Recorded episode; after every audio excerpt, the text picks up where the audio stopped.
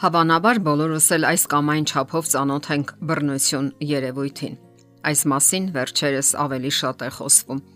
Բռնությունն ընտանիքում կարող է դրսևորվել տարբեր ձևերով։ Երբեմն բոլորովին էլ պարտադիր չէ ֆիզիկական բռնության դիմել կամ վիրավորել զուգընկերոջը, բղավել ու հայհոյել։ Բռնության ընդունված ավելի այսպես կոչված քաղաքակիրթ ձևեր կան Դրանցից մեկն է լռությունն է, երբ դիմացինին պատժում են պարզապես լռություն պահպանելով։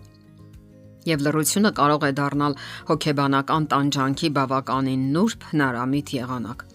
Ֆրանսիացի կլինիկական հոգեբան եւ հոգեբույժ փորձագետ Իզաբել Լևերը գրում է. Այն զուգընկերը, ով ընտրում է շփման այսպիսի ոճը, իրեն դուրս է դնում զույգ ընկերակցություն հարաբերությունից։ Նա նայում է հարաբերություններին որպես իշխանության համար մղվող պայքար, որտեղ կարևոր է թուլություն չցուցաբերել, ցույց չտալ խոցելիությունդ եւ չգնալ զիջումների։ Այո, պատահում են նաև հոգեբանական բռնության այսպիսի տեսարաններ։ Զույգը վիճում է։ Նրանք տարաձայնություններ ունեն Վեճը սովորաբար ավարտվում է այսպես. տղամարդը բացում է թերթը եւ անշարժանում նրա դիմաց, կամ կողմերից մեկը վերցնում է հեռախոսը եւ սկսում պարզապես զբաղվել նրանով, կամ խոսել անտեսելով մյուսին։ Տանջանք լռության միջոցով։ Այս իրավիճակը հավանաբար բոլորին է հայտնի։ Խուսափելով զրույցից զուգընկերը հասնում է իր նպատակին։ Լռությունը նրան թույլ է տալիս կառավարելու իրավիճակը եւ մյուս անznավորությունը, փորձելով իրեն կարևորը զգալ։ Ահա, այսպես կպատժեմ քեզ, ասում է նա իր ողջ կեցվածքով։ Այն ամուսինը, ով ցանկանում է պատժել կնոջը, այսպես ասած դասյարակել, նրա զրույցի ժամանակ հենց կես խոսքը բերանում կարող է վեր կենալ ու դուրս գնալ, եւ նույնիսկ գնալ տնից, չասելով թե ուր է գնում։ Կինը մնում է միայնակ, չասված խոսքերի հետ, ծանր մտքերով, որոնք նրան բսկտում են ներսից, Նա իրեն վիրավորված է զգում եւ նվաստացած, որովհետեւ իրեն չեն ցանկանում լսել։ Իսկ ասելիքներ կան։ Ինչու է լռությունն այդքան կործանարար որովհետև այն ստեղծում է վակուում կամ անոտ տարածություն, որն անմիջապես լցվում է կասկածներով, վախերով ու հարցականներով։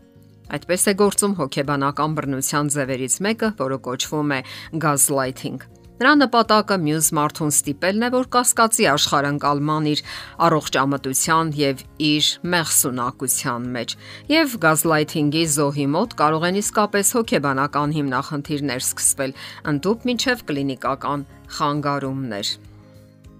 Իսկ ինչ վիճակում է գտնվում լռության զոհը։ Նա սկսում է ուղիներ որոնել, որpիսի հասնի դիմացինին։ Լռությունը վաղ թե ուշ առաջացնում է հակազդեցություն Վիրավորված կողմը սկսում է կասկածներից անցնել հանդիմանությունների եւ քննադատության։ Իզաբել Լևերը պարզաբանում է. Ըստ էության դա փորձ է դիմացինին հասնելու, ցանկացած գնով լռությունը խախտելու, նրա պատյանի խոցելի ճեղքերը գտնելու, ստիպելու նրան պատասխանել, թեկուս պատասխանը լինի դաժան։ Այսպիսով զոհն ընդունում է խաղի կանոնները, որ պարտադրել է իրեն տանջողը եւ հարաբերությունները վերջնականապես վերածվում են մարտադաշտի։ Նրանք, ովքեր օգտագործում են լռության մարտավարությունը, արդարացնում են դա գլխավորապես այն պատճառաբանությամբ, որ համոզված են բացարձակապես ճիշտ լինելու մեջ, որ նրանք գիտեն ամեն ինչ եւ բոլորի մասին, իբր գիտեն թե ինչպես վարվել, ինչպես խոսել եւ ինչի մասին եւ ինչպես պահեն իրենց։ Այդպիսի մարդուց հաճախ կարելի է այսօրինակ արտահայտություններ լսել, Ես քեզանից այլ բան չէի էլ սպասում։ Դա շատ համապատասխան է քեզ։ Ամեն ինչ པարզ է քո դեպքում։ Երբ դիմացինը փորձում է վիճարկել հերթական անհերքելի ու վճռաբեկ հայտարարությունները, զրույցը դարձյալ փակուղի է մտնում։ Ամուսնական զույգերի միջև միշտ էլ հնարավոր են հակասություններ ու տարաձայնություններ, սակայն հարկավոր է կարողանալ խոսել դրանց մասին, բարձրաձայնել ու չլռել Կողմերից յուրաքանչյուրը պետք է հավասար հնարավորություն ունենա արտահայտվելու, լսված լինելու։ Լրության պատը երբեք էլ զույգի հարաբերությունների բարելավմանը չի նպաստում։ Դա խորթացման պատ է, որ հեռացնում է նրանց։ Այդ ձևով դուք չեք լուծում գլխավոր հարցը։ Իսկ դուք ի վիճակի եք համահավասար զուգընկեր լինելու դիմացինի համար։ Լինելու այդ ընկերակցության մի մասնիկը Լռությունը միշտ նշանակում է տարածություն։ Դա այսպիսի հակասական ու տարօրինակ դիրքորոշում է։ Ես քեզ հետ չեմ, բայց եւ առանձին էլ չեմ։ Չի աճում այն միությունը, որտեղ մեկը խոսում է, մյուսը լռում է։ Իսկ այդ լռությունը ոչ թե լսելու լռություն է, այլ պարզապես չլսելու լռություն է։ Այդպիսի հարաբերությունները վաղ թե ուշ ճաքեր են տալիս։ Իմացեք, հասուն անznավորությունների հասուն փոխհարաբերությունների դեպքում կողմերը լսում են միմյանց եւ ոչ մանկական խռովկանություն դրսևորում։ Փորձեք զարգացնել ձեր հարաբերությունները, ոչ թե կանգնեցնել աճը։